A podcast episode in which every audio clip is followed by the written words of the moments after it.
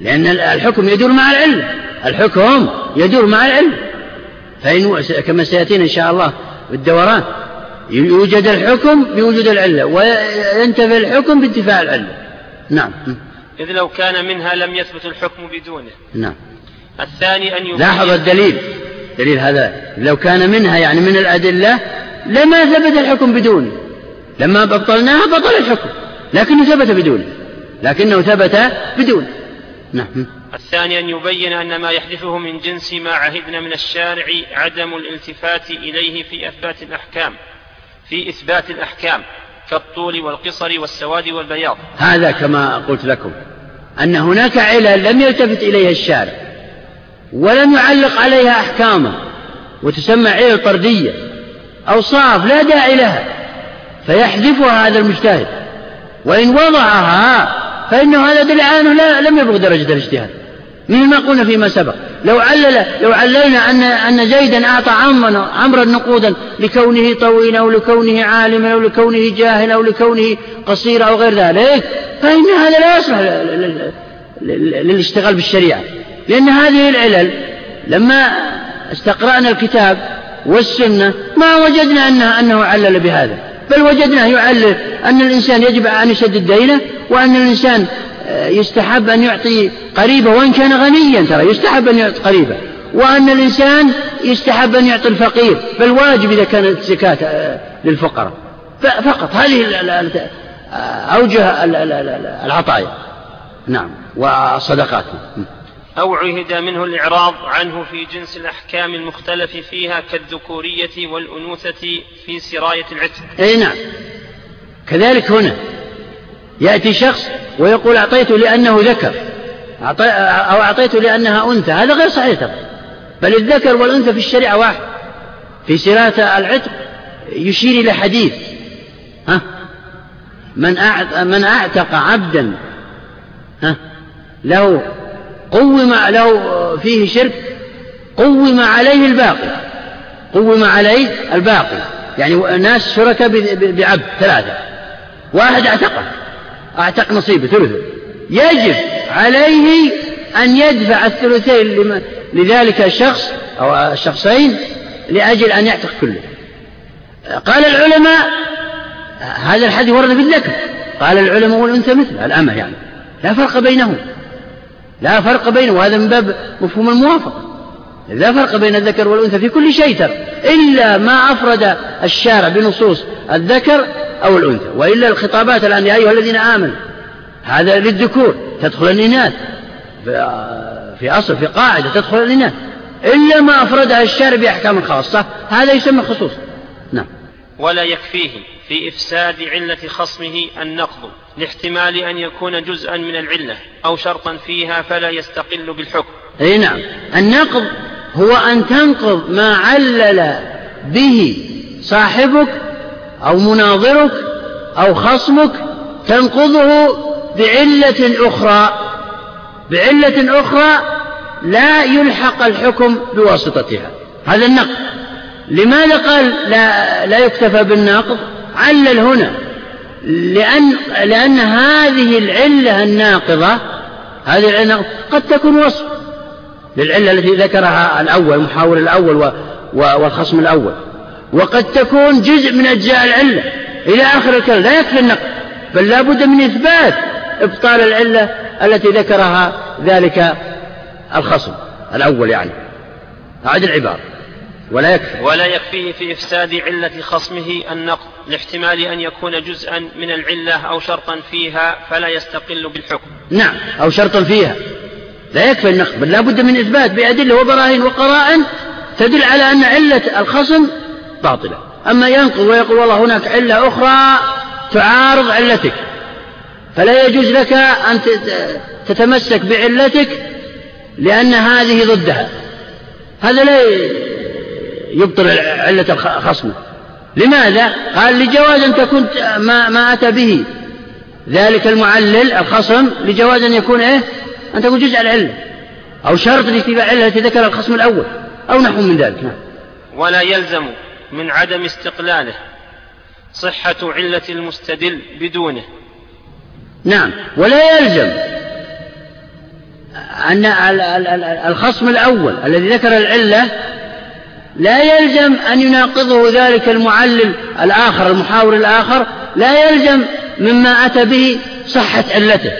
صحة علته هو. لأن النقض ليس بدليل. الناقض قاعدة ليس بدليل بل هو مطالبة بالدليل. والمطالبة بالدليل كما سيأتينا إن شاء الله من قوادح القياس ليس بدليل. نعم.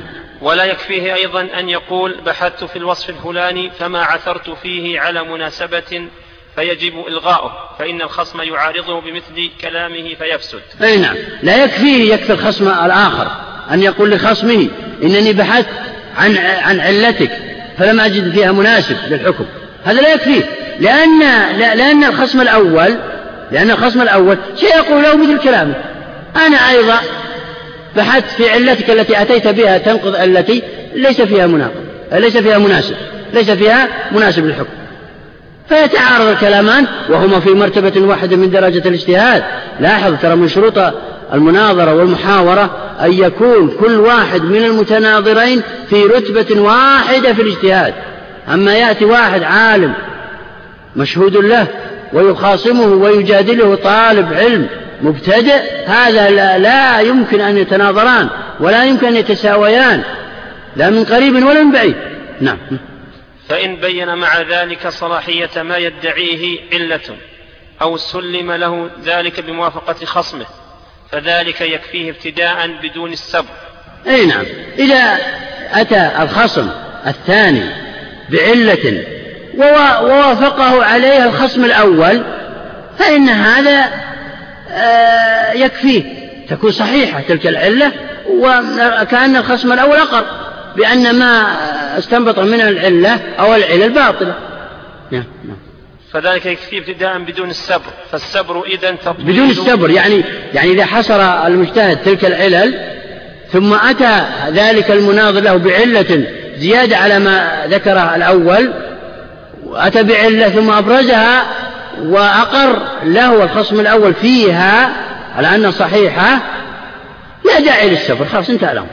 كل العلة أتى بها ذلك الشك باطلة نعم. فالسبر إذا تطويل طريق غير مفيد فلنصطلح على رده. إي نعم اصطلح يعني المتخاصمان قصدي المتحاوران في في هذا الأمر اصطلح على رده بدون إقرار منهما بدون إقرار منهما. يعني بمعنى اصطلح على على رد السبر أو امتحان تلك العلل لما أقر الخصم الأول بالعله التي أتى بها الخصم الثاني. لما اقر بها وقال هذه علة آه، جيدة وقوية واقوى مما أتيت به من علم. نعم. وقال بعض أصحاب الشافعي يكفيه ذلك. نعم. وقال بعض المتكلمين إذا اتفق خصمان على فساد تعليل من سواهما ثم أفسد على تعليل من؟ أي نعم. آه، هذه العبارة. إذا اتفق بعض الشافعية قالوا يكفيه ذلك. يعني بمعنى أنهم إذا متحاوران ومتناظران إذا أقر أحدهما للآخر فإنه يكفي ذلك. وتنتهي تلك العلل آه، المستنبطة بالإبطال. ها. وقال بعض المتكلمين إذا اتفق خصمان على فساد تعليل من سواهما ثم أفسد أحدهما علة صاحبه كان ذلك دليلا على صحة علته. نعم. يعني بما اتفق الخصمان على أن خصم ثالث علة فاسدة فإن هذا يكفي في صحتها ويعلل بها الحكم لأن, لأن الترجيح بالأكثر.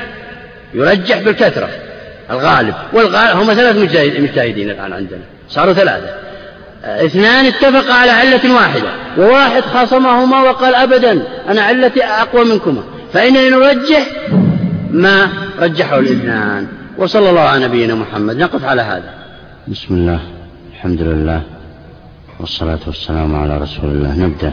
لازلنا في في المسالك الاجتهادية لاستنباط العلة. ونحن في المسلك الثاني وهو السبر والتقسيم. نعم. في آخره نبدأ من النقطة التي وقفنا عليها. بسم الله الرحمن الرحيم. الحمد لله رب العالمين والصلاة والسلام على نبينا محمد وعلى آله وصحبه أجمعين. قال الإمام ابن قدامة رحمه الله تعالى في روضة الناظر وقال بعض المتكلمين إذا اتفق خصمان على فساد تعليل من سواهما. ثم أفسد أحدهما علة صاحبه كان ذلك دليلا على صحة علته. نعم. وليس بصحيح. نعم نعم.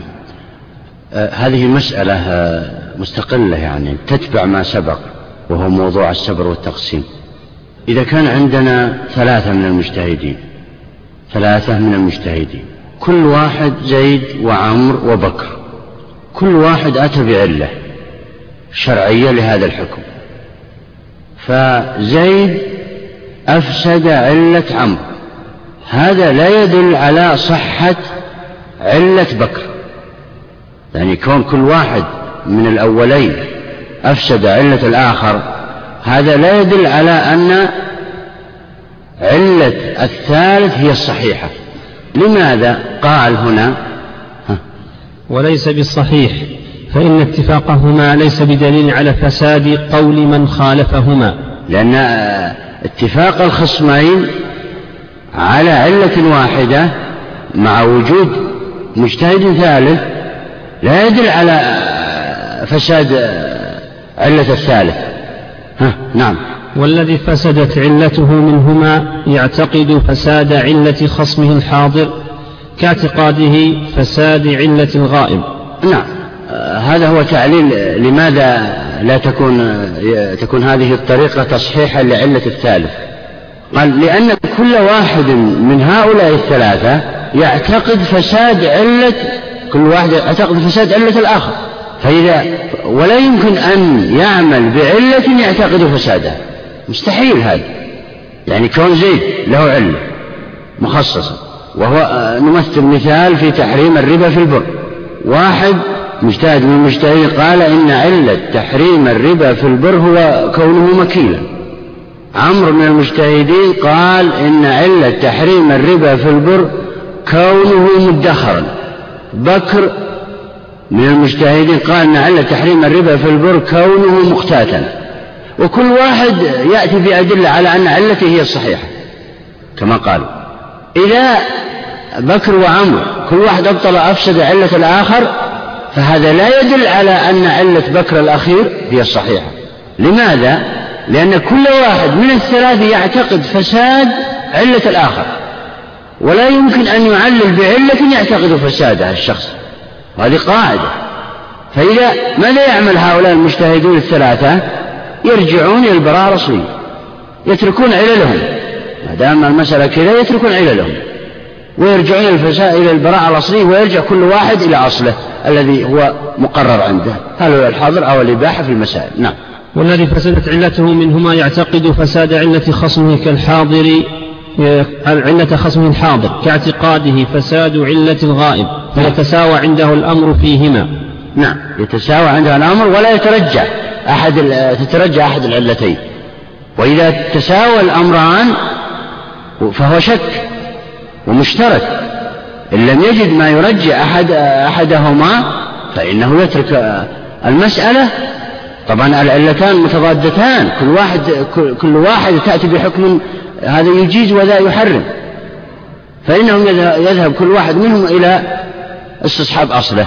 وهو كون الأصل عنده التحريم أو هو الحظر أو الوقف أو الإباحة. نعم. فلا يتعين عنده صحة أحدهما ما لم يكن الحكم مجمعا على تعليله. نعم. يعني بمعنى ما لم يكن الحكم مجمع على تعليله يعني هذا يقصد من أنه إذا كان الحكم مجمع على تعليله فإن كل واحد يعلل الحكم بعلته التي استنبطها هو بنفسه. هذه المسألة مفروضة إذا لم يكن الحكم مجمع على تعليله. إذا لم يكن الحكم مجمعا على تعليله. هذه مفروضة فيها. بعضهم يقول أنه تعبدي وبعضهم يقول إن علته قاصرة وبعضهم يقول إن علته متعدية. إنه معلل ولكن علته متعدية. اختلفوا فيه. فإذا أبطل كل واحد من الاثنين علة الآخر هذا لا يدل على صحة علة الثالث. فيأخذ الجميع بعلته. لأن كل واحد منهم يعتقد فساد علة الآخر. أما إذا كان الحكم مجمع على أنه معلل يعني أجمع الثلاثة زيد وبكر وعمر أجمعوا على أن الحكم معلل لكنهم اختلفوا في التعليل. لكنهم اختلفوا في التعليل فهنا كل واحد يتمسك بعلته ويقيس على حسب علته ويقيس على حسب ما ثبت عنده في العلم. مثل مثلا هل يجوز حجب الإخوة بالجد؟ هل يجوز حجب الإخوة بالجد في الفرائض؟ هذا الجد يعني يحجب الإخوة أو لا؟ اختلفوا فيه. اختلف زيد مع ابن عباس. ابن عباس يقول أن الجد يحجب الإخوة وزيد يقول لا أن الإخوة يرثون مع الجد. وهذا وهذا الخلاف حدث في مجلس عمر والجمهور مع زيد لا شك. فكل واحد هم أجمعوا على أن الحكم معلل وأن له علة ولكن اختلفوا في التعليل ابن عباس يقول أن الجد يحجب الإخوة لأن الجد في مقام الأب والأب يحجب الإخوة لا شك. أو في مقام ابن الإبن وابن الإبن يحجب الإخوة. أما زايد يقول لا إن كل من الإخوة والجد قد أدلوا إلى الميت بواسطة الأب يعني الواسطة واحدة المدلى به واحد. فكيف نورث الجد ولا نورث الإخوة؟ هم متساويان فيجب أن نورثهم جميعا. واختلفوا في في آه، التوريث فكل له علته. فلا يتعين عنده صحة فلا يتعين عنده صحة إحداهما ما لم يكن الحكم مجمعا على تعليله ويبطل ويبطل جميع ما قيل إنه عنه والله أعلم. نعم. يبطل ما إذا كان الحكم غير مجمع على تعليل المسألة المفروضة في هذا. إذا كان الحكم غير مجمع على تعليله فإنهم إذا اختلفوا في التعليل فإن كل علة تبطل. ويرجعون كل واحد يرجع إلى البراءة الأصلية أما إذا أجمعوا على علته فإن كل واحد يتمسك بعلته آه، أما إذا أجمعوا أما إذا أجمعوا على أن الحكم معلل فإن كل واحد منهم يتمسك بعلته التي استنبطها ويقيس على حسب علته. ما له دخل في الآخر. نعم. عليكم. الثالث النوع الثالث في إثبات العلة أن يوجد الحكم بوجودها ويعدم بعدمها. نعم هذا الطريقة الثالث من طرق إثبات العلة واستنباط العلة في القياس وهو الدوران يسمى بالدوران وهو أن يوجد الحكم أن يوجد الحكم بسبب وجود العلة وأن ينتفي الحكم بسبب وجود آه، بسبب انتفاء العلة. هذه العبارة نعم. السلام عليك أن يوجد الحكم بوجودها ويعدم بعدمها. نعم. كوجود هذا يسمى الدوران باختصار عند العلماء نعم. كوجود التحريم بوجود الشدة في الخمر وعدمه, وعدمه بعدمها. نعم. معروف أن سبب تحريم الخمر هو كونه يؤدي إلى الإسكار ولا يؤدي إلى الإسكار إلا إذا اشتد. ما معنى الشدة في هذا المشروب؟ الشدة هي أن يزبد. وينتفخ ويظهر له صوت بسيط يعرفه أهل الفن وينتفخ آه، كثيرا. هذا تسمى الشدة. فإذا وجدت هذه العلامات في هذا المشروب معناه أنه خمر. لا يجوز شربه. أما إذا لم توجد معناه أنه عصير تمر أو عصير عنب يجوز شربه. لا يأتي الفقيه والواحد يقول لنجربه إن كان مسكرا فنحن ننهى عنه فيما بعد إذا صحينا.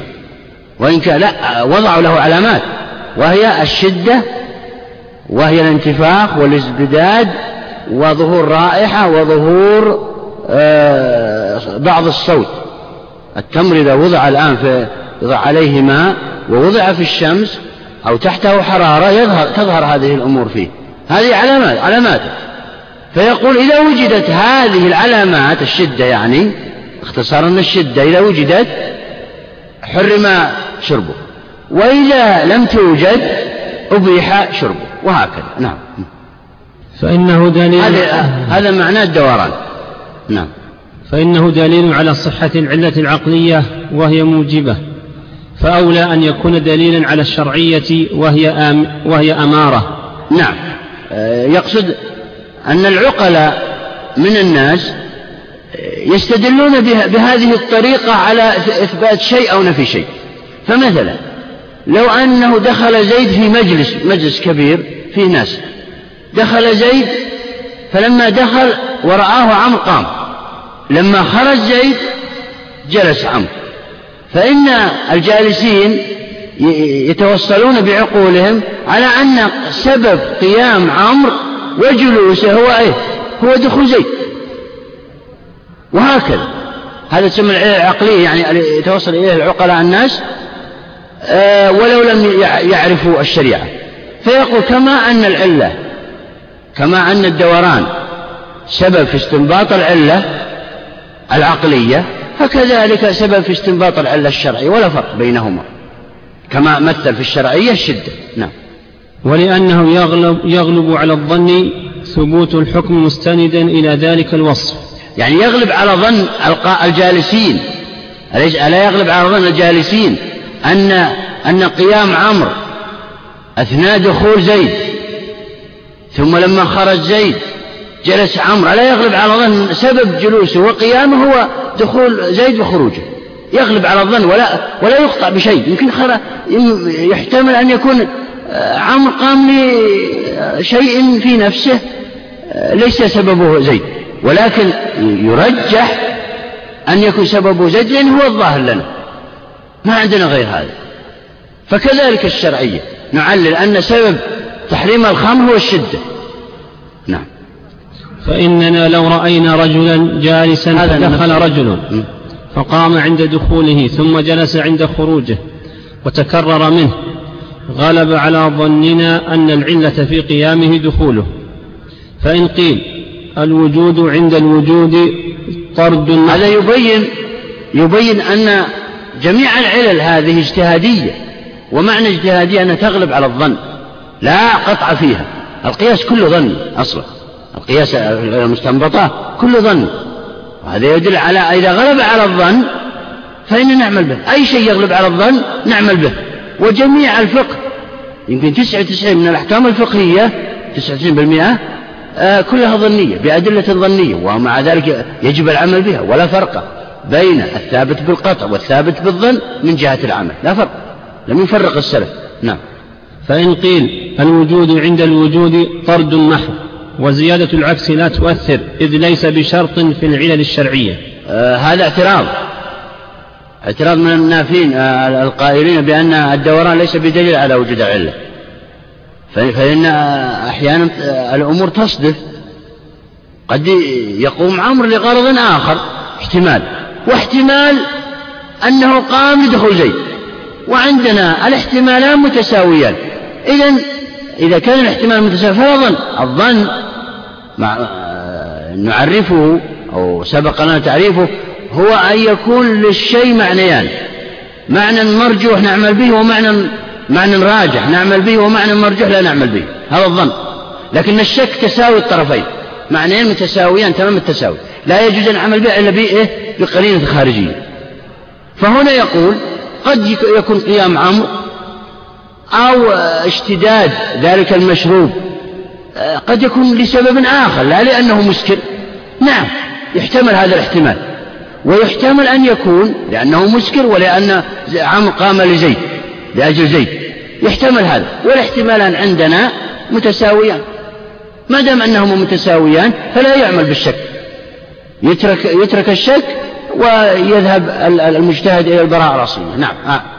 قال ولأن الوصف يحتمل أن يكون ملازما للعلة أو جزءا من أجزائها فيوجد الحكم عند وجوده لكون العلة ملازمة وينتفي بانتفائه ويحتمل ما ذكرتم ومع التعارض لا معنى للتحكم. نعم هم الآن هذا دليلهم. يقول يحتمل ما ذكرتم من أنه يرجح هذا الكلام وأنه ما قام عمرو إلا لأجل زيد وما اشتد ذلك المشرب إلا لأنه مسكر يمكن يحتمل ما ذكرتم ويحتمل أنه آه أن إيش؟ أنه ليس على يعني قيام عمرو ليس سببه دخول زيد واشتداد هذا المشروب ليس لأنه يسكر. يحتمل احتمال آخر احتمالات كثيرة. والاحتمالان متساويان. إذا لا نعلل بالمتساوي. نعم. ثم لو كان ذلك علة لأمكن كل واحد من المختلفين في علة الربا أن يثبت الحكم بثبوتها وينفيه بنفيها.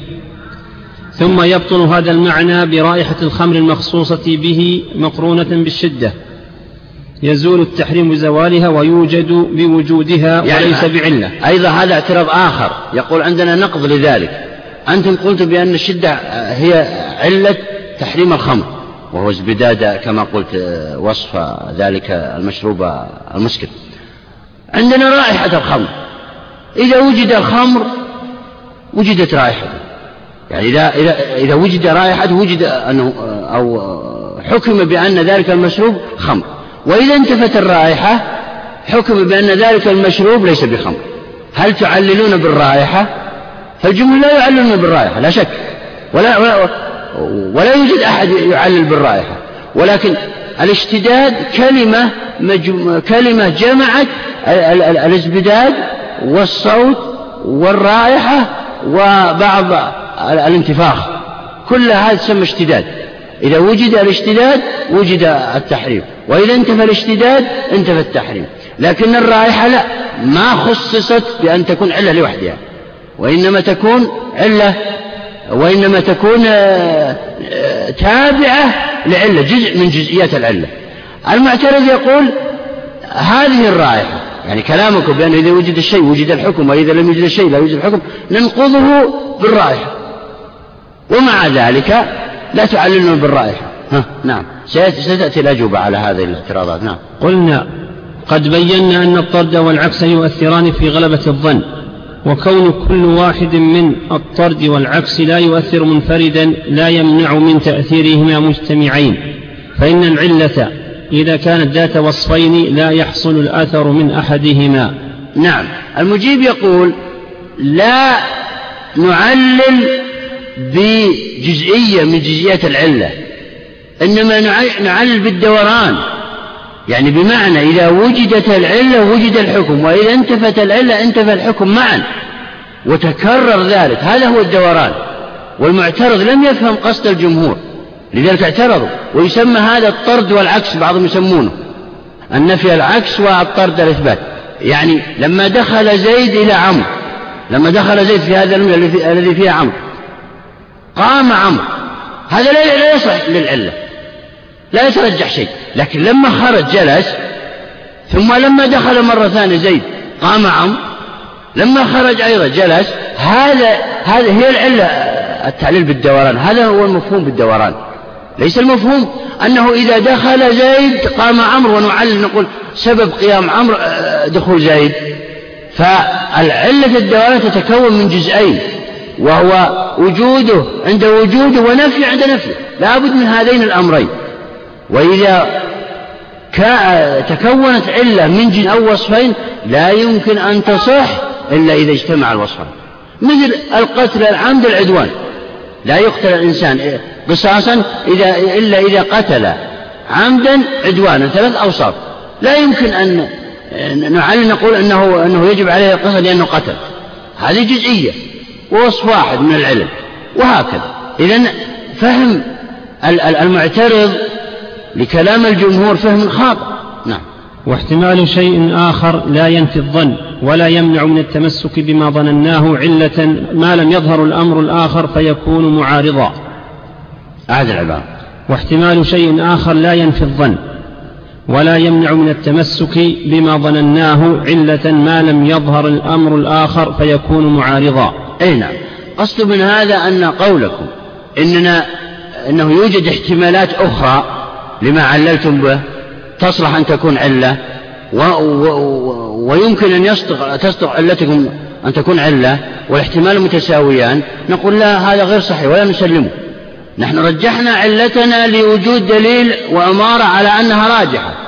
أما الاحتمالات الأخرى لو تمسكنا بها وأثبتناها ونظرنا إليها بدون أدلة لما بقي أي دليل من الأدلة الشرعية لو قد أبطل بهذه الطريقة. إذا لم تثبتوا الاحتمالات الأخرى بأدلة. نعم. والنقض برائحة الخمر غير لازم فإن صلاحية الشيء للتعليل لا يلزم أن يعلل به إذ قد يمتنع ذلك لمعارضة ما هو أولى منه. نعم لما قالوا إن, إن, إن هذا الكلام عندكم منقوض برائحة الخمر ولم تعللوا به. فإنه إذا وجد الرائح وجد الخمر وإذا لم توجد الرائحة لم توجد الخمر لم يقله أحد. فكذلك الشدة لا فرق. لماذا أنتم آه تمسكتم بالشدة دون الرائحة؟ منقوض بالرائحة. يجاب عن ذلك أن الرائحة جزء من العلة وليست علة هي لوحدها. لا تصلح أن تكون علة لوحدها. جزء من كلمة الشدة. فالشدة مكونة من الرائحة والانتفاق والازبداد وظهور صوت. هذا الشدة أما نعلل بجزئية من جزئيات العلل هذا لم يثبت. نعم. وقال قوم إنما يصح التعليل به مع السبر فيقول علة الحكم أمر حادث. إنما يصح هذا اعتراض أيضا اعتراض آخر. يقول لا يصح الدوران إلا إذا وجد معه السبر والتقسيم السابق. يعني ليس عندنا طريق ثالث من طرق استنباط العلة بل إن هذا الدوران يتبع السبر والتقسيم السابق. نعم.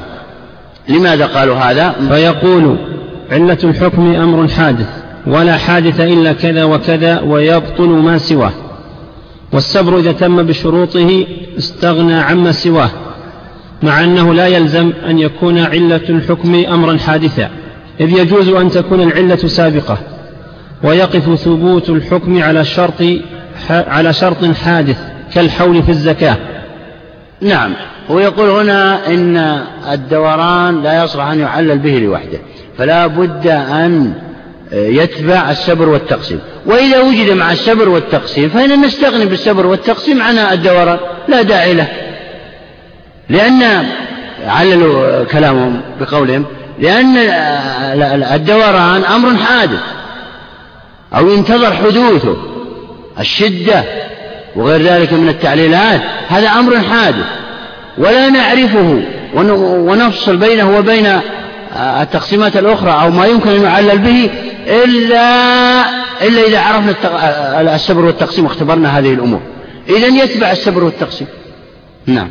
أو يكون الحادث جزءا تمت العلة به. أو يكون الحكم غير معلل والله أعلم. نعم آه هذا المعترض يقول إن الحادث هذه وما تسمونه الدوران أيها الجمهور هذا حادث يكون جزء من علة يحتمل أن يكون جزء من علة ويحتمل أن يكون الحكم يقوم بدونه وعدة احتمالات تدخله. ومع الاحتمال إذا تطرق الاحتمال إلى الدليل فطل به الاستدلال وهي قاعدة. هذا كلام المعترض نعم. ومما يشبه هذا شهادة الأصول كقولهم في الخير ما لا تجب الزكاة في الذكور منفردة لم تجب في الذكور والإناث. نعم. أعد العبارة. كقولهم في الخير نعم.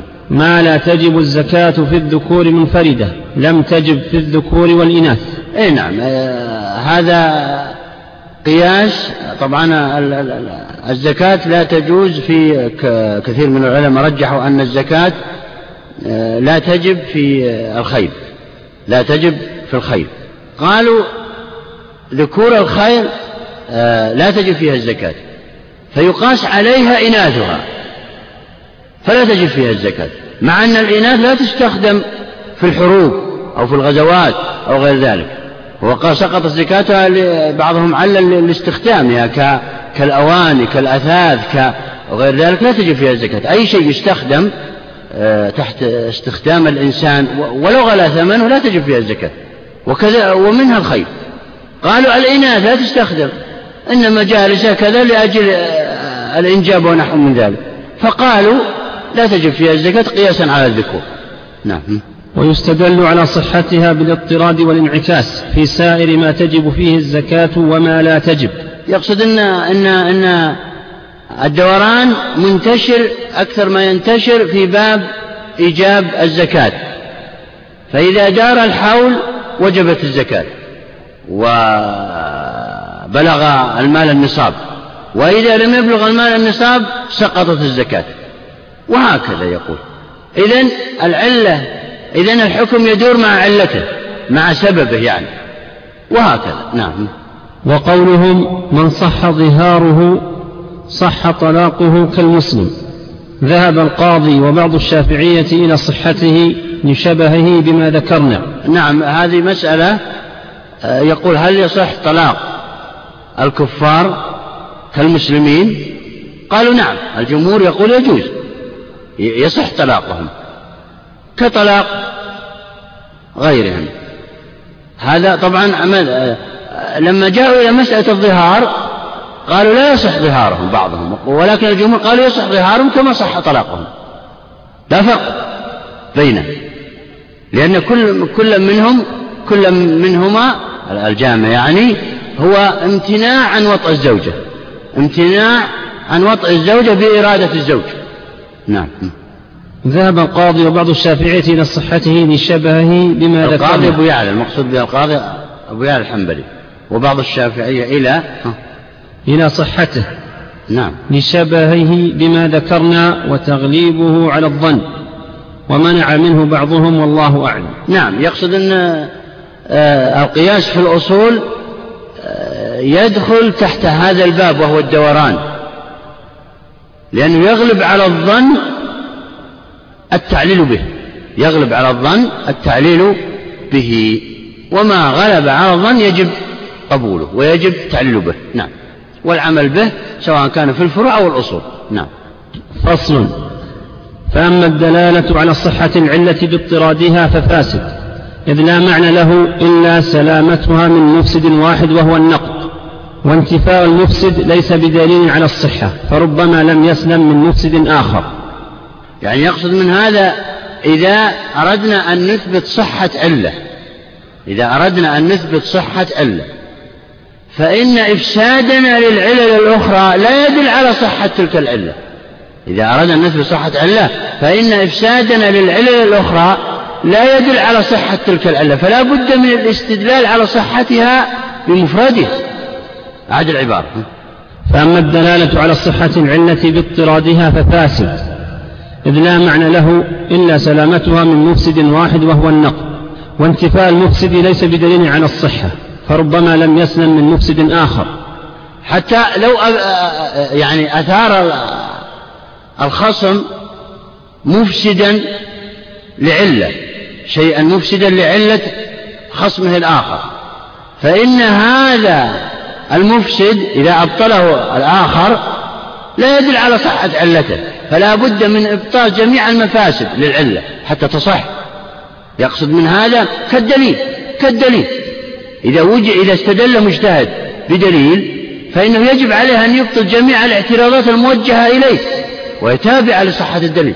أما أنه يبطل بعضها ويترك بعضها معناه أن دليله غير صحيح. معناه أن دليله غير صحيح. كذلك العلة نفس الطريقة. إذا أبطلت بعض المفاسد الموجهة إلى تلك العلة أو الإفسادات التي وردت عن ذلك الخصم وأفسدت بعضها دون البعض الآخر معناه أن البعض الآخر قوي على إفساد علتك معناه لا تصلح علة وهو تابع للدوران. يعني لا تتقيد أو لا تحكم بأن علتك صحيحة من خلال من خلال كون كونك أفسدت بعض المفاسد لها. وإنما يجب أن تفسد جميع الاعتراضات عليها وتبطلها وبهذا تصح علتك. نعم. صحيح. ولو سلمت من كل مفسد لم يكن دليلا على صحتها كما لو سلمت شهادة المجهول من جارح لم تكن حجة ما لم تقم بينة معدلة. يعني الآن مجهول الحال. مجهول الحال المقصود به إذا أطلق هو الذي لا يعرف عنه لا فسق ولا عدالة. هل تقبل شهادته؟ اختلف في ذلك. فالقائلون لا تقبل شهادته يقولون أو تقبل شهادته إنه فالقائلون تقبل شهادته إنه ما دام سليم من الجرح فإنه تقبل شهادته لأن الأصل في المسلمين العدالة لأن الأصل في المسلمين العدالة. آه هنا كذلك العلم كذلك العلم لا نكتفي بكون لم يوجه إليها بإفساد بل لا بد من تصحيحها بأدلة دقيقة على كالدليل كالدليل. نعم. فكذلك لا تكتفي الصحة بانتفاء المفسد بل لا بد من قيام دليل على الصحة. وفي الجملة فنصب العلة مذهب يفتقر إلى دليل كوضع الحكم ولا يكتفي في إثبات الحكم بأنه لا مفسد له فكذلك العلة. يعني أي كلام في الشريعة سواء كان في الحكم أو في الدليل أو في العلة لا يكتفى بأنك تبطل اعتراضات الخصوم عليك فيه وإنما لا بد من الاستدلال عليه أولا ثم بعد ذلك تبطل جميع الاعتراضات الموجهة إليه وبهذا يصح استدلاله وحكمك وعلتك. قاعدة آه، لما قالوا في الجملة يعني. نعم.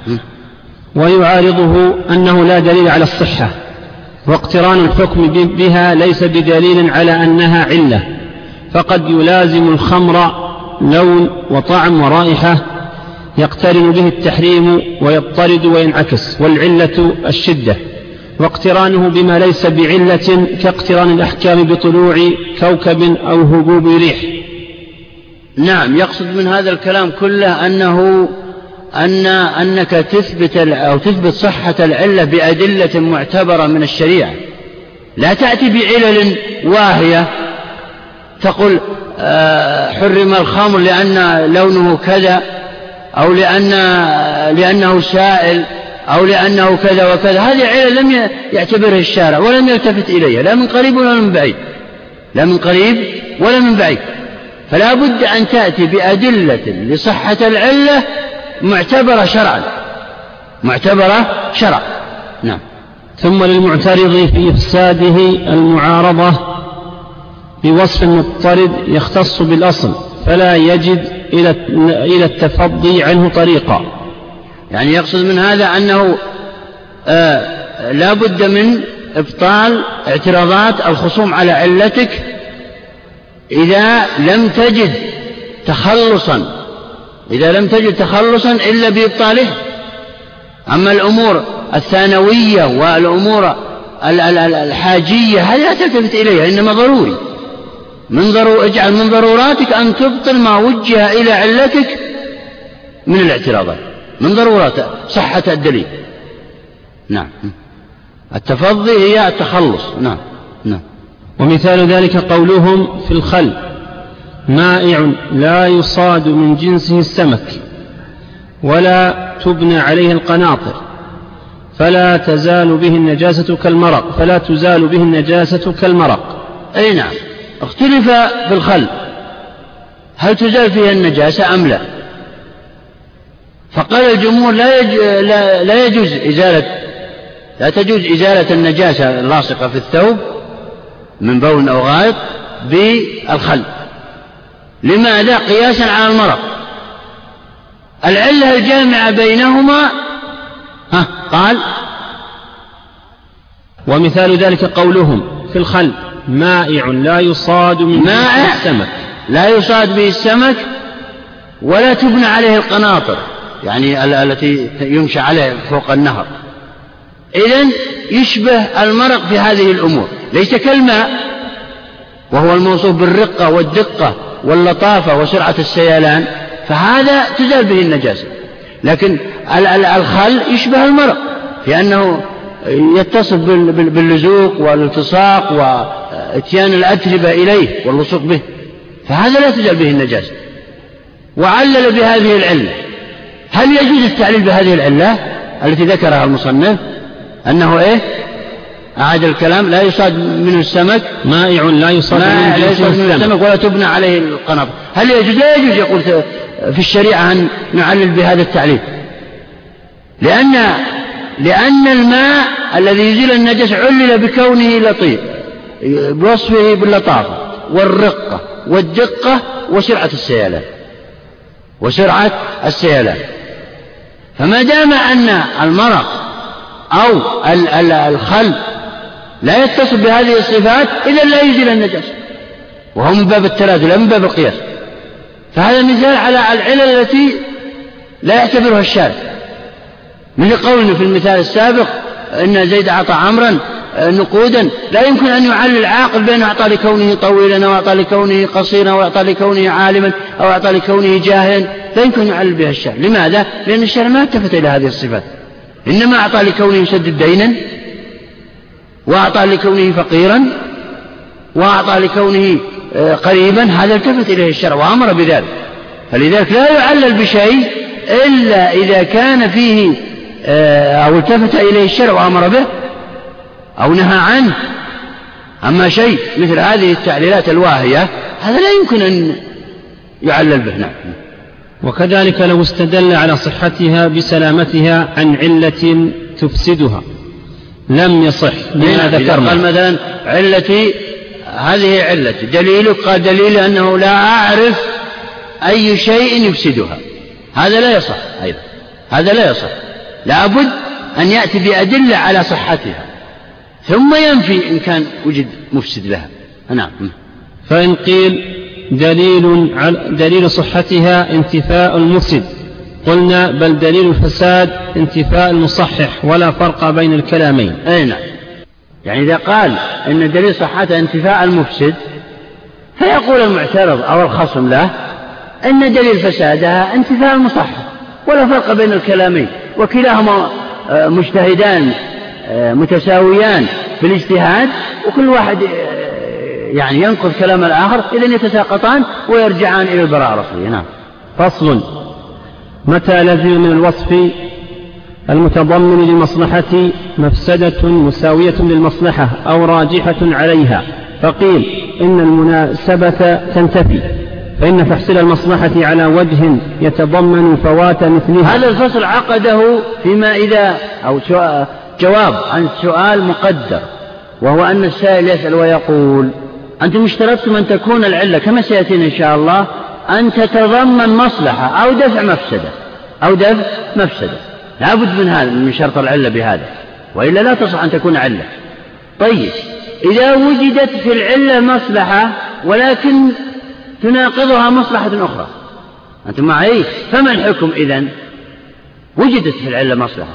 ولكن تناقضها مصلحة أخرى. فما الحكم؟ أجاب بهذا الفصل عن هذا السؤال. فقال أعد العبارة متى؟ متى لزم من الوصف المتضمن للمصلحة مفسدة مساوية للمصلحة أو راجحة عليها؟ يعني يقصد تعارض المصلحة مع المفسدة. إذا وجدت علة فيها مصلحة وفيها مفسدة. فيها مصلحة من جهة وفيها مفسدة من جهة. فهل يجوز أن نعلل بها؟ وهذا الكلام ذكر في المصلحة المرسلة هناك بس بعض لكن بعض المصنفين يجعلونها في هنا في التعليل. لأن العلة لابد من شرط فيها أن أن تكون مقتضية لجلب مصالح أو دفع مفاسد. فذكروها هنا. إذا تعارضت مصلحة ومفسدة في هذه العلة فما الحكم؟ قال هنا. فقيل إن المناسبة تنتفي فإن تحصيل المصلحة على وجه يتضمن فوات مثلها. أو أكبر منها ليس من شأن العقلاء لعدم الفائدة على تقدير التساوي. نعم. قيل إن كانت المفسدة مساوية للمصلحة أو أن المفسدة أكثر من المصلحة فإن العلة تبطل. لا يجوز التعليل بها. هذا هذا قيل طبعا. هذا اعتراض أو, أو, أو قول سيأتي الرد عليه. أو الحكم أي حكم؟ إذا كانت مفسدته أكثر من مصلحته أو مفسدته مساوية لمصلحته فإننا لا نأخذ به ولا نعمل به. نعم. لعدم الفائدة على تقدير التساوي وكثرة الضرر على تقدير الرجحان فلا يكون مناسبا. أي نعم. التعليل لأن المفسدة إذا كانت أكثر من المصلحة فإن الضرر الناس أكثر من جلب المصالح لهم. هذا واحد. وإذا كانت مساوية له فما الفائدة إذا من التعليل؟ وما الفائدة من الحكم إذا لا يستفيد البشر والعباد من ذلك. نعم. إذ المناسب. إذا لا تكون مناسبة هذه العلة. لا تكون مناسبة أو لا يناسب التعليل بها. نعم. إذ المناسب ما إذا عرض على العقول, على العقول السليمة تلقته بالقبول. نعم. هو علل هنا. كان سائلا سأل وقال ما المناسب عندكم؟ قال المناسب هو الذي يعرض على الناس العقلاء المتوسطين في عقولهم. لا يعرض على على الحمقى والمغفلين أو لا يعرض على المتشددين في الدين ولا يعرض على المتساهلين في الدين. إنما الوسط في الوسط آه، بين هذين الطرفين هم العقلاء عقلاء الناس فيعرض عليهم. فإذا أجمع ثلاثة منهم من العقلاء يعني هؤلاء للمتشددين ولا المتساهلين قالوا إن هذه المصلحة أعظم من تلك المفسدة رجحت المصلحة. وإن قالوا إن تلك المفسدة أرجع من تلك المصلحة آه، لا يناسب. المصلحة التعليل بهذه العلة التي مفسدتها أرجح لا يناسب. وهكذا. نعم. فيعلم أن الشارع لم يرد بالحكم لم يرد بالحكم تحصيلا للمصلحة في ضمن الوصف المعين وهذا غير صحيح. وهذا غير صحيح وهو القيل لما قال قيل. الآن يريد أن يجيب عن هذا يقول لا ممكن أن نعلل بمصلحة قد توجد مفسدة أكثر منها وقد توجد مفسدة مساوية لها. ممكن لا مانع من ذلك. قال هنا وهذا غير صحيح فإن المناسب المتضمن للمصلحة والمصلحة أمر حقيقي لا ينعدم بمعارض إذ ينتظم من العاقل أن يقول لي مصلحة في كذا يصدني عنه ما فيه من الضرر من وجه آخر. وقد أخبر الله تعالى أن في الخمر والميسر منافع وأن إثمهما أكبر من نفعهما فلم ينف منافعهما مع رجحان إثمهما. نعم. يقول إن الكلام السابق غير صحيح. فقد يعلل الشخص هذا الأمر وهذا التصرف بأن فيه مصلحة ويقول أني أريد أن أنفذ أنفذه لكن فيه مفسدة تمنعني. وقد تكون تمنعه من جهة وتؤي والمصلحة تؤيده من جهة وهكذا. ولا ولا يوجد شيء بين العباد وفي البلاد إلا ويوجد فيه مصالح ومفاسد. مستحيل أن يوجد فيه فقط آه، مصالح مجردة أو مفاسد مجردة كل شيء. نعم. مما يحدث البشر طبعا لكن أحيانا ترجح المصلحة وأحيانا ترجح المفسدة. مثل الخمر الآن وصفه بأن فيه منافع وفيه مضار. لكن مضاره أعظم من منافعه وهكذا نص القرآن. المطر الآن فيه مضار وفيه منافع للناس كثيرة وفيه مضار كثيرة أيضا. كم من عائلة آه، إذا أتى المطر ذهبت وكم من آه، زروع قد ماتت من المطر من كثرة المطر يعني.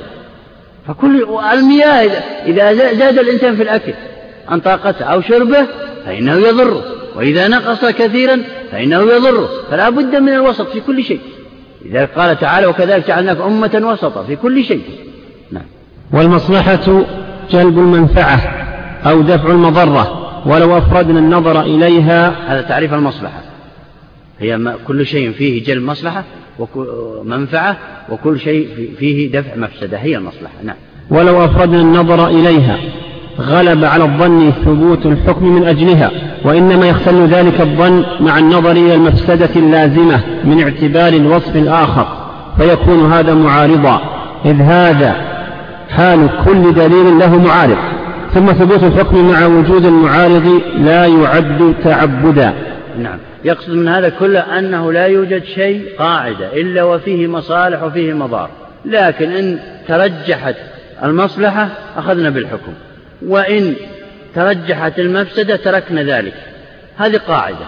لكن بعض الناس يقول في هذا الشيء فيه المصالح أكثر من من من إيش؟ من المفاسد. والمعترض له يقول إن المفاسد أكثر. وفي فريق ثالث يقول لا إنهما متساويان من يحكم في الأمر ويفتي ويتكلم بالعدل هنا؟ هم العقلاء من الناس. فقط. هم الذين يرجحون هذا على ذاك وبعضهم يرجح هذا على وهذا سبب عظيم من أسباب اختلاف الفقهاء في الفقه الإسلامي. وهو أن بعضهم ينظر إلى هذا بأنه فيه مصالح وبعضهم يقول لا أنه فيه مفاسد أرجح وبعضهم متساويان إلى آخر الكلام. نعم. ونظيره ما لو ظفر الملك بجاسوس لعدو انظر إلى هذا المثال. انظر إلى هذا المثال. فيه مصالح وفيه مساوئ. نعم قال. ونظيره ما لو ظفر الملك بجاسوس لعدوه فإنه يتعارض في النظر اقتضاءان. أحدهما قتله دفعا لضرره والثاني الإحسان إليه استمالة له ليكشف حال عدوه. نعم. عنده أمران. إما أن يقتله أو يبقيه. وكل شيء فيه مصالح وفيه مفاسد. قتله فيه مصالح دفعا لضرره قد يؤثر على الآخرين في تزيين عدو الملك له لهم ثم يذهبون إليه. هذا قتله في مصلحة. وإن تركه ففيه مصلحة أنه يتحبب إليه ويحسن إليه لعله يعطي الشرط أو العسكر أو من حول الملك بعض أسرار بعض أسرار العدو فيستفيد منه. فهنا فيه مصلحة. كل واحدة ضد الأخرى. نعم. فسلوكه إحدى الطريقين لا يعد عبثا بل يعد جريا على موجب العقل. ولذلك ورد الشرع بالأحكام المختلفة في الفعل الواحد نظرا إلى الجهات المختلفة. كالصلاة في الدار المغصوبة فإنها سبب للثواب من حيث إنها صلاة وللعقاب من حيث إنها غصب نظرا إلى المصلحة والمفسدة مع أنه لا يخلو إما أن يتساويا أو يرجح أحدهما. نعم. هنا الصلاة في الدار المغصوبة هذا على مذهب مصححي الصلاة في الدار المغصوبة. ففيها مصلحة وفيها مفسدة. المصلحة في كونها صلاة عليها أجر والمفسدة في كونه صلى في دار قد قصبها وهذا يساعد على الظلم. فكل له ناحيته. يؤجر على الصلاة ويأثم على غصبه ويأثم على غصبه لكن بعض العلماء عنده تفصيل في هذه المسألة. إن لم يجد إلا هذه الدار فإنه تصح صلاته ويأثم على غصبه. أما إن وجد غيرها ومع ذلك صلى فيها فإنها لا تصح صلاته. نعم. فهنا فيها مفاسد وفيها مصالح. نعم. لا الغاصب. أما أي واحد إذا علم بأنها مغصوبة أيضا يتبع الغاصب. إذا علم بأن هذا الإناء الذي يتوضأ منه أو هذا الماء الذي يتوضأ منه أو هذا هذه الدار أو هذه الأرض أنها مغصوبة فإنه يدخل مع الغاصبين وأقر بذلك. نعم. فعلى تقدير التساوي لا تبقى المصلحة مصلحة ولا المفسدة مفسدة فيلزم انتفاء الصحة والحرمة. وعلى تقدير رجحان المصلحة. يعني من هذه إذا تساوت المصالح مع المفاسد. إذا كان في شيء هنا تساوت في مصلحة مع المفسدة مثل مثل حصول الملك على آه، عدو من أعدائه. فإنه يقول لا نسلم من هناك إذا إذا قتله فلا يوجد ضرر. وإذا لم يقتله فلا يوجد ضرر أيضا. لمن لمن أخذ بهذا بهذين التصرفين. نعم. وعلى تقدير رجحان المصلحة يلزم انتفاء الحرمة وعلى تقدير رجحان المفسدة يلزم انتفاء الصحة. نعم.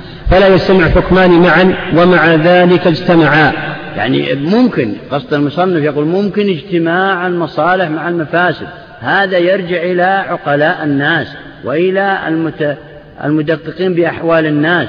بعضهم يرجح أن فيه مصلحة قتله يعني هذا العدو.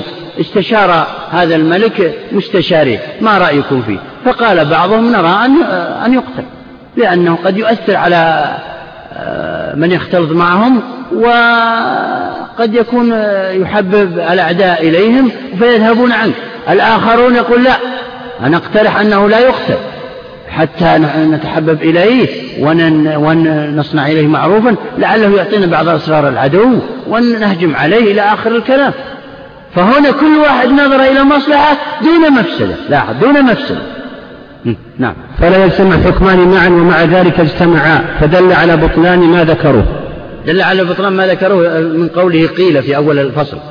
أنه إذا وجدت مصلحة أكثر فإن المص... إذا وجدت مفسدة أكثر من المصلحة فإننا فإنها تبطل المصلحة. وإذا وجدت مفسدة مساوية للمصلحة فإنها أيضا تبطل المصلحة. هذا باطل. نعم. ثم لو قدرنا توقف المناسبة على رجحان المصلحة فالدليل الرجحان أن لم نجد في محل الوفاق مناسبا سوى ما ذكرناه. فلو قدرنا الرجحان يكون الحكم ثابتا معقولا وعلى تقدير عدمه يكون تعبدا واحتمال التعبد أبعد وأندر فيكون احتمال الرجحان أظهر. نعم. يقصد من هذا أن العلماء يرجحون دائما أن أن الأحكام الشرعية معللة. بمعنى يحرصون على تعليل الحكم ما استطاعوا إليه سبيلا. لأنه في التعليلات في تعليلات الأحكام آه، يكثر قياس الحوادث المتجددة على الحوادث التي نزل بها آه، نص. وبهذا يرد على أعداء الإسلام القائلين بأن الإسلام قاصر عن حل القضايا المتجددة فهم دائما يحرصون كل الحرص ما استطاعوا إليه سبيلا أن يوجدوا عللا للأحكام.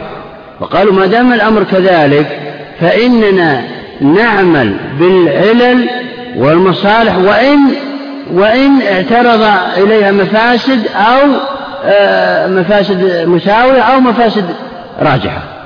فهمت قصدهم؟ قصد العلماء هنا. فهذا يقول من مقاصد الشريعة أن نعلل الأحكام من مقاصد الشريعة لأن الأصل أن الأحكام معللة لكن إذا وجدت بعض الأحكام تعبدية يعني لا علل فيها ف... وعجز العقل عن إدراك علتها ف...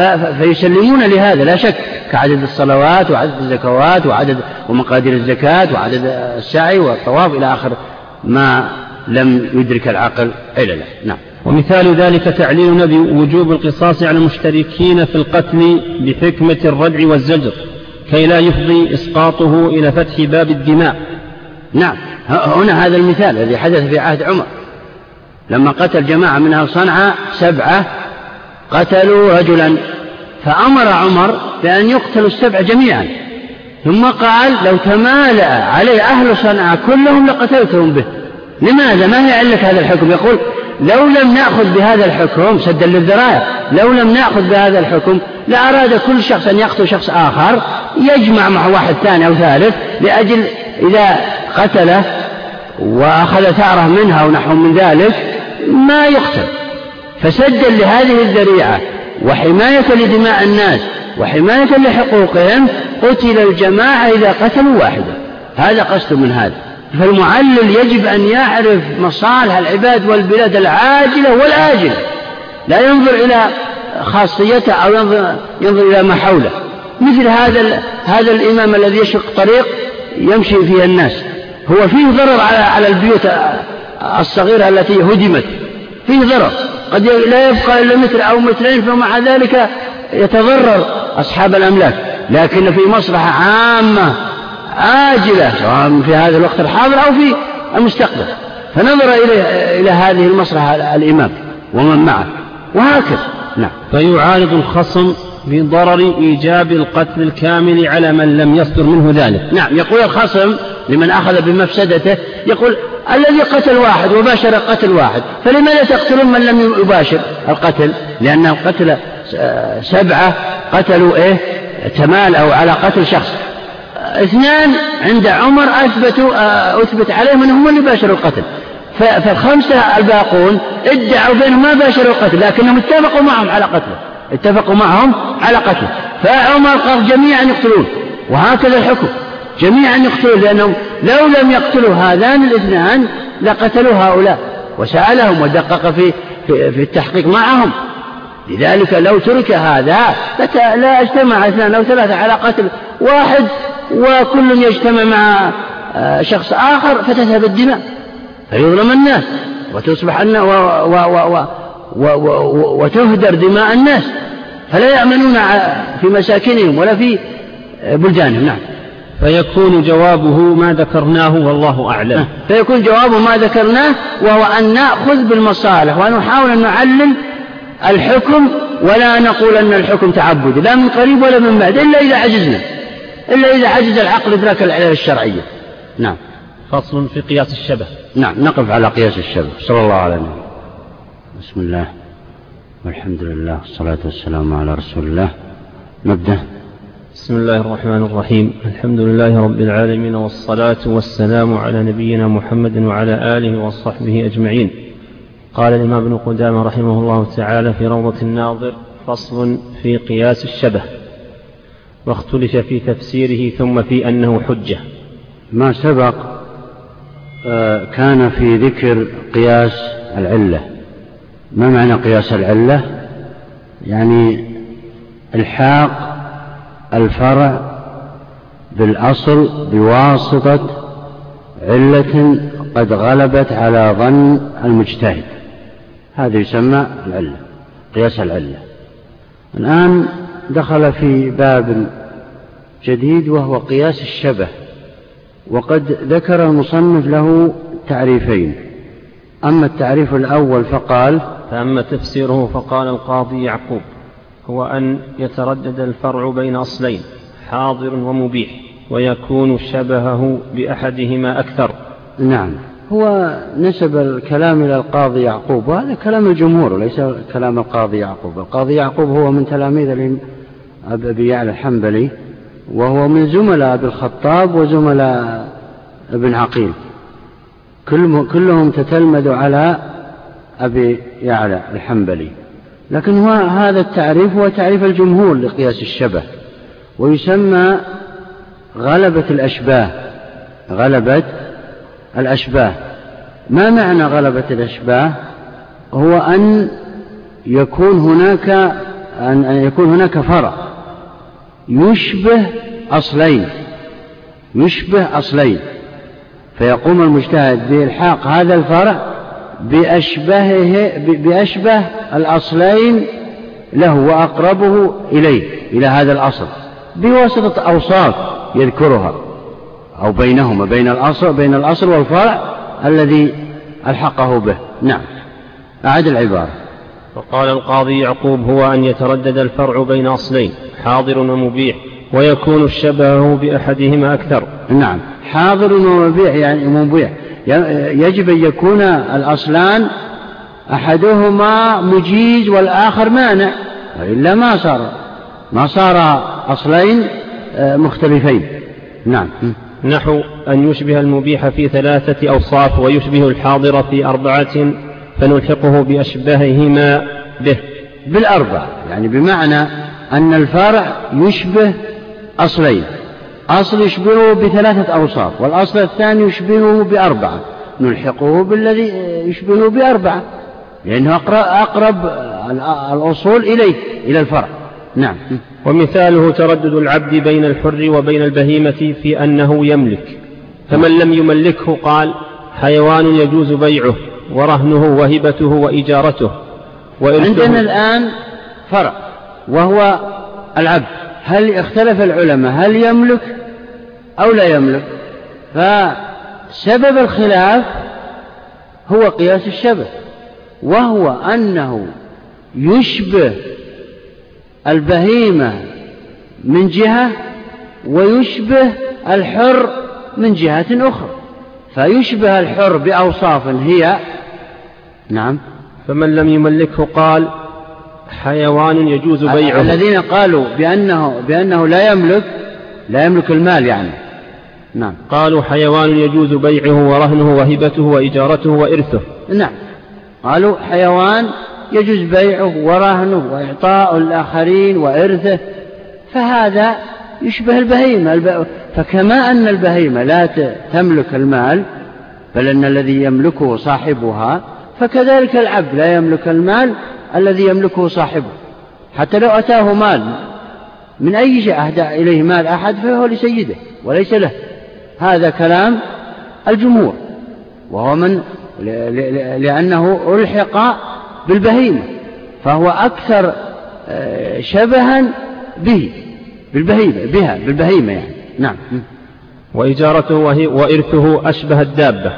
ومن يملكه قال يثاب ويعاقب وينكح ويطلق ويكلف أشبه الحر. نعم. الذي ملكه وقال أنه يملك المال قالوا إنه يشبه الحر بأوصاف فهو يصح طلاقه ويصح نكاحه ويصح ظهاره ويصح أيضا لعانه وفيه صفات وفيه صفات من صفات الحر لذلك يملك مثله. فكما أنه أنهما يشتركان في هذه الأمور إذا يشتركان في التمليك. إذا عندنا الآن أصلان تعارضا فأيهما نلحقه؟ على حسب اجتهاد المجتهد. على حسب اجتهاد المجتهد. نعم. وهذا سبب يعني من أسباب اختلاف الفقهاء. نعم. فيلحق بما هو أكثرهما شبها. يعني آه، قصد في هذا التعريف أن اختلاف المجتهدين في التمليك وعدم التمليك مبني على اختلافهم في آه، الأصل المقاس عليه. فبعضهم قال أن العبد أصله الدابة والبهيمة فلا يملك. وبعضهم قال أن العبد أصله الحر في أوصاف اتفق معه آه، اتفقا معا فيه فيها آه، فملك نعم. أما التعريف الثاني نعم.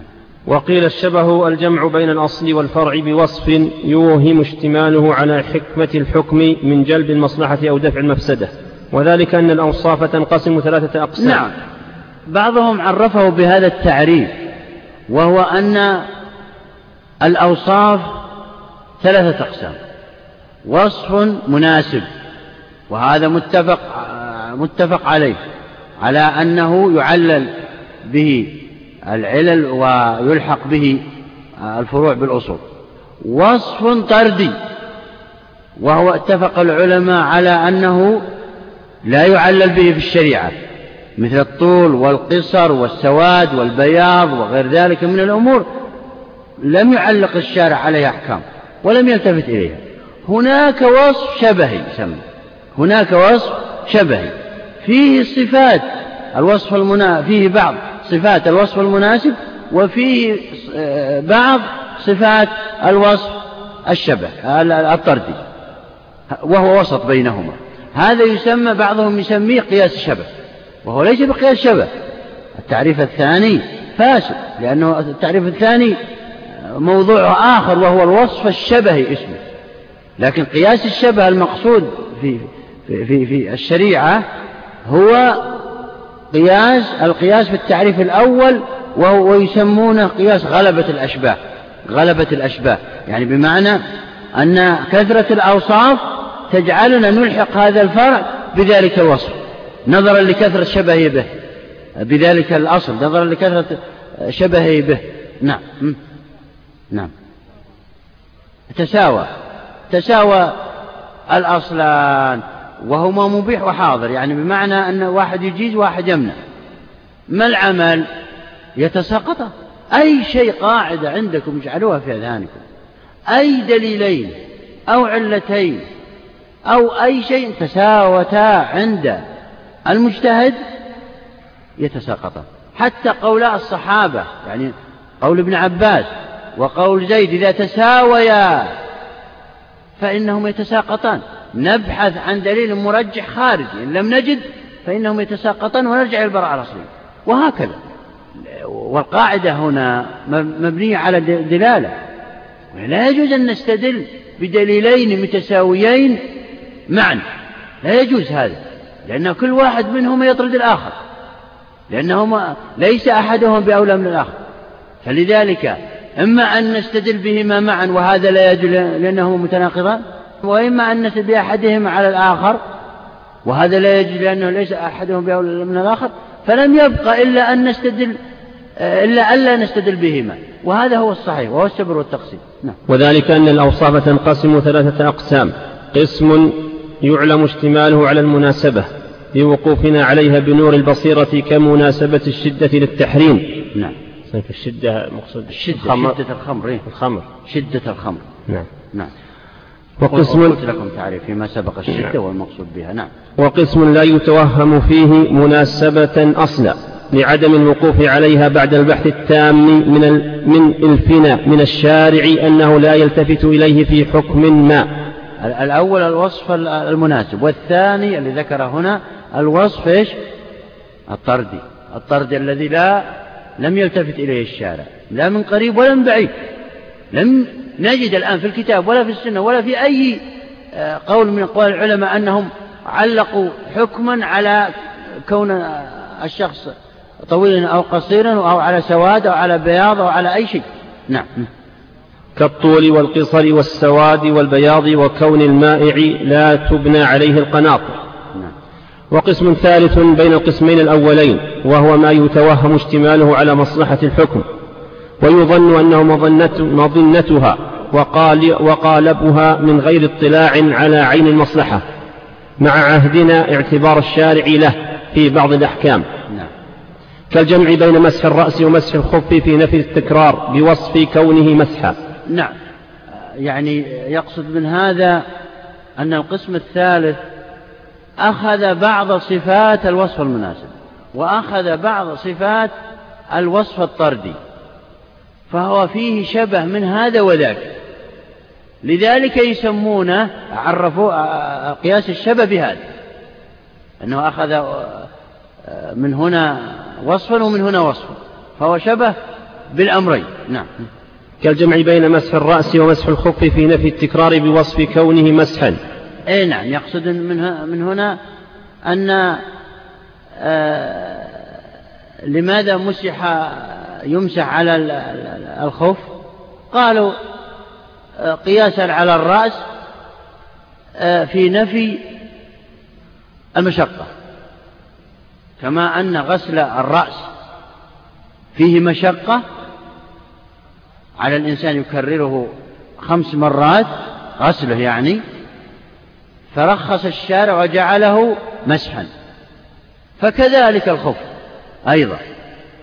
رخص الشارع فيه وجعله مسحا لأن غسل الرجل وخلع النعلين أو خلع الخفين أو الجوربين فيها مشقة فقاسوا هذا على هذا. نعم. والجمع بينه وبين الأعضاء المغسولة في التكرار بكونه أصلا في الطهارة. يقصد من هذا أن الرخصة جاءت بسبب أن أن غسل الرأس لو لو شرع لكان فيه مشقة لأنه متكرر. لأنه متكرر. إذ لو كان فقط يغسل مرة باليوم كامل واحدة أو كذا لا غسل ولكنه متكرر فكذلك مسح الخفين. نعم. فهذا قياس الشبه. فالقسم الأول قياس العلة وهو صحيح. لذلك من هذا المنطلق تجدون الفقهاء نصوا على أن غسل الجنابة بالنسبة للمرأة وغسل الحيض أو النفاس بالنسبة للمرأة يختلفان. فغسل الجنابة لا يجب عليها أن تنقض شعرها. أبدا. أما غسل الحيض فيجب عليها أن تنقض شعرها. ما السبب؟ التكرار وعدم هذا يتكرر فلذلك رخص لها وذاك لا يتكرر. بالشهر مرة أو بالسنة مرة أحيانا النفاس. فالشارع راعى هذا. نعم. فالقسم الأول قياس العلة وهو الصحيح والقسم الثاني باطل والثالث الشبه وهو مختلف فيه. فالقسم الأول هو قياس العلة الذي سبق وذكرناه وأن الوصف المناسب من الأدلة الاجتهادية لاستنباط العلة والقسم الثالث باطل لأنه لم يلتفت إليه الشارع. عندنا القسم الأوسط هذا وهو ما أخذ شبها من القسم الأول وما أخذ شبها من القسم الثالث. فماذا نعمل؟ سموها الوصف المناسب. الوصف الشبهي الوصف الشبهي نعم. وكل قياس فهو يشتمل على شبه واضطراد لكن قياس العلة عرف بأشبه صفاته وأقواها. وهذا أجمع العلماء عليها على ذلك لأن قياس العلة آه، قد ثبتت عليته بالوصف المناسب بسبب الوصف المناسب. والوصف المناسب المقصود به جلب مصلحة يعني المصلحة ظاهرة. جلب مصالح العباد ونفي مفاسد عنهم ظاهر هذا. نعم. وقياس الشبه كان أشرف صفاته المشابهة فعرف به. أشرف؟ أعد العبارة. وقياس الشبه كان أشرف صفاته المشابهة نعم. فعرف به. نعم قصده من هذا أن الذين سموا هذا القسم بأنه قياس الشبه فقط لأجل التشابه الموجود بينه وبين القسمين فهو يشبه الوصف المناسب من جهة ويشبه الوصف الطردي من جهة أخرى. فلذلك سموه بهذه التسمية نعم. وكذلك القياس الطردي عرف بخاصيته وهو الاضطراد إذ لم يكن له ما يعرف به سواه. نعم يعني بمعنى أن الوصف الطردي هذا ما معنى الطرد؟ أي يطرد في كل شيء لا يمسك عليه أي علة أو شيء نادر إنما يحدث بكثرة بكثرة.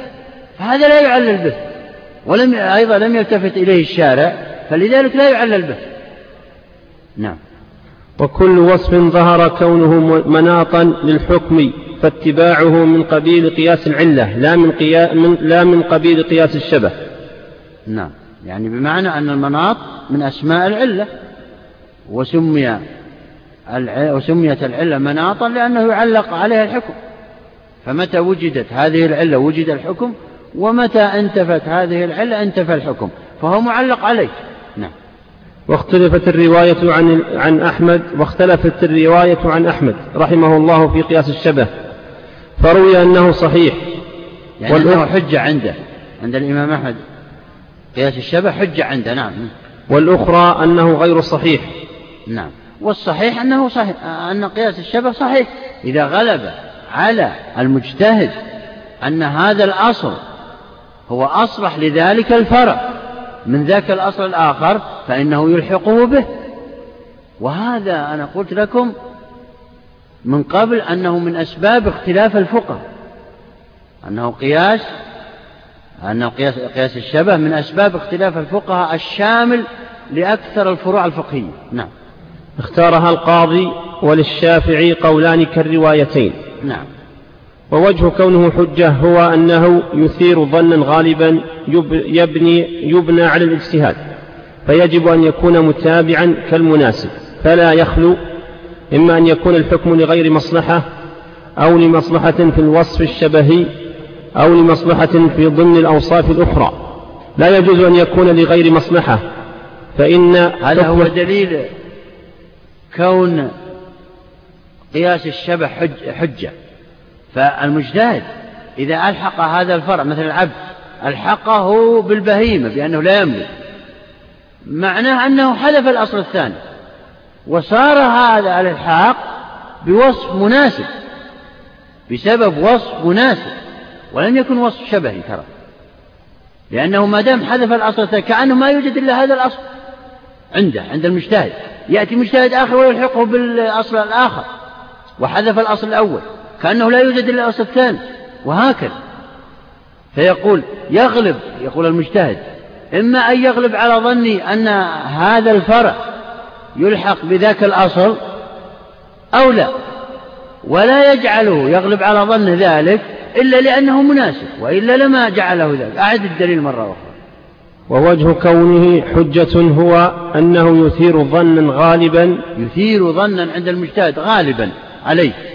يرجح ذاك الأصل على الأصل الآخر. نعم.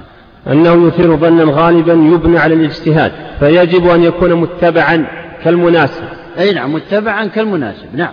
يعني بمعنى أن المجتهد إذا رجح أو, أو, أو, أو قال بأن هذا الفرع يشبه ذلك الأصل معناه أنه جعله مناسب. هو اعتقد بأنه مناسب له ولم يلتفت إلى كونه شبه. نعم. فلا يخلو إما أن يكون الحكم لغير مصلحة أو لمصلحة في الوصف الشبهي أو لمصلحة في ضمن الأوصاف الأخرى. لا يجوز أن يكون لغير مصلحة فإن حكم الشارع لا يخلو عن الحكمة. يعني بمعنى أنه لما أتى بهذه التقسيمات الثلاثة لما أتى بهذه التقسيمات الثلاثة بدأ يبطل بدأ يبطلها. فإن أبطلها جميعا فإن الوصف فإن القياس الشبه ليس بحجة. وإن أبطلها إلا واحد فإن قياس الشبه هو هو الحجة. وهذا معنى كلامه يثير آه، ظنا غالبا. نعم. لا يجوز أن يكون لغير مصلحة فإن حكم الشارع لا يخلو عن الحكمة. إذا أبطل الثاني وهو أنه ليس لمصلحة. بمعنى أن أن المجتهد ينبغي أن يكون عنده قاعدة كلية يمشي عليها إذا أراد أن يجتهد وهي أن الأوامر والنواهي الشرعية كلها لها فيها مصالح وفيها دفع مفاسد. نعم. ما يرد كأنه يقول لا يرد من الشارع إلا شيء فيه مصلحة أو دفع مفسدة فينبغي أن يعمل بهذا. نعم. واحتمال كونه لمصلحة وعلة ظاهرة أرجح من احتمال التعبد. نعم. كما قلت لكم قاعدة أيضا أخرى يحرص دائما العلماء على استنباط العلة لكل لكل حكم شرعي. بمعنى يستبعدون أن يكون الحكم تعبدي. لماذا؟ حتى أنهم يستنبطون علة لهذا الحكم علة متعدية ليلحقوا أكثر الفروع الواردة والحوادث على مدى الأعوام والسنوات والقرون بهذا الأصل المعلف المعلف إذ لو قالوا أو أكثر من كون الأحكام تعبدية لصدق كلام أعداء الإسلام. أن الإسلام آه، غير يعني صالح لحل القضايا المتجددة. ولكنهم دائما يحرصون على استنباط العلل للأحكام. نعم. واحتمال اشتماله اشتمال الوصف الشبهي على المصلحة أغلب وأظهر من اشتمال الأوصاف الباقية عليها. كأنه يقول نظرا لهاتين المقدمتين السابقتين كما قلنا فإننا نرجح أن الوصف هذا الشبهي يكون فيه أو يكون مناسبا لأنه لأن فيه دفع مفسدة أو جلب مصلحة. نرجحها كاعتماد للقاعدتين السابقتين اللتين أشار إليهما المصنف. نعم. فيغلب على الظن ثبوت الحكم به فيعد الحكم بتعديه. نعم. هذا على إذا غلب على ظن المجتهد أن أحد الأصلين أشبه بذلك الوصف. نعم. نعم. هو شوف يا شيخ هو قياس شبه في, في, في أول أمره ولكنه إذا رجح المجتهد أن هذا الأصل أولى بذلك الفرع وألحقه به صار يسأل خلاص انتهى الأمر. لأنه حذف ذاك. إنما أول الأمر يشتبه هل هذا يشبه هذا أو ذا فإذا رجح أن يكون ذلك هو الأصل المقاس عليه انتهى حذف الأول وصار قياس عليه. لكن لكن يأتي مجتهد آخر ويقول إن الأصل الذي وضعته أصل لذلك الفرع أنا لا يصح عندي عندي أصل آخر أولى منه. ويضاد الأصل الأول في الحكم. أنا قلت لكم هو من أسباب اختلاف الفقهاء وليس هو إذا رجح المجتهد أن هذا الأصل أولى بذلك الفرع انتهى الأمر. ما عاد هناك أصل ثاني. عنده هو. في ظنه. يعني. نعم. لذلك هذه البحوث لا تدرس ويدقق فيها إلا على المجتهدين الذين يعدون أنفسهم للاجتهاد. نعم. فصل في قياس الدلالة. وهو أن يجمع بين الفرع والأصل بدليل العلة. بدليل العلة لا بالعلة. انتهى من قياس الشبه الآن. هنا دخل في باب جديد وهو الثالث من أنواع القياس قياس الدلالة. فالدلالة المقصود بها إلحاق الفرع بالأصل بواسطة دليل العلة وليس بالعلة نفسها. وهو أيضا ترى يرجع إلى العلة يرجع إلى العلة. لو دققنا الآن. نعم. وهو أن يجمع بين الفرع والأصل بدليل العلة ليدل اشتراكهما فيه على اشتراكهما في العلة. نعم. يرجع إلى العلة كما قال. فمثلا لو ألحق بعض المجتهدين النبيذ على الخمر بواسطة العلة عنده الشد. الشد. قال العلة عنده الشد. كون كل واحد منهم مشتد المشتد ما هو؟ هو الانتفاخ والازبداد وظهور رائحة وصوت هذا يعبر عن هذه المجموعة هذه الأوصاف بكلمة الشدة. فهنا التعليل فهنا هذا الدليل هو دليل للعلة الأصلية وهي الإسكاف. إذا اشتد معروف أنه يسكت. فس فس فسواء علل بتلك الشدة أو علل بالإسكار واحد لأنه من علل بالشدة يرجع إلى الإسكار هذا معنى كلام المصنف في آخر كلامه أعد الكلام. أن يجمع, أن يجمع بين الفرع والأصل بدليل العلة ليدل اشتراكهما فيه على اشتراكهما في العلة فيلزم اشتراكهما في الحكم ظاهرا. نعم يعني بمعنى أنه ألحق النبيذ على الخمر بواسطة الشدة لا بواسطة الإسكار وهذا معروف وذكر العلماء أنه أن مرجعه إلى التعليل بالعلة وليس بالدليل. نعم. ومثاله قولنا لأن أيضا أيضا لو دققتم لوجدتم أن العلة أيضا تحتاج إلى دليل كونها علة. العلة تحتاج إلى دليل. فلا بد فهما متلازمان. إن علل بالدليل بدليل العلة يلزم منه ثبوت العلة. وإن علل بالعلة يلزم منه أن لا يثبت العلة إلا بدليل. وهكذا. لذلك أبطله بعضهم قال لا يوجد قياس أصلا. قياس دلالة. نعم. ومثاله قولنا في جواز إجبار البكر. جاز تزويجها وهي ساكتة فجاز وهي ساخطة كالصغيرة. نعم. البكر الكبيرة المقصود بها. الآن يجوز أجمع العلماء على أنه يجوز تزويج الصغيرة وهي التي من دون تسع سنوات الصغيرة. المقصود بالصغيرة إذا أطلقت في الشراء هي من دون من هي دون تسع سنوات أي لم يأتها الحيض غالبا. فهذه أجمع العلماء على أنه يجوز تزويجها سواء كانت راضية أو ساخطة. أجمع العلماء على ذلك.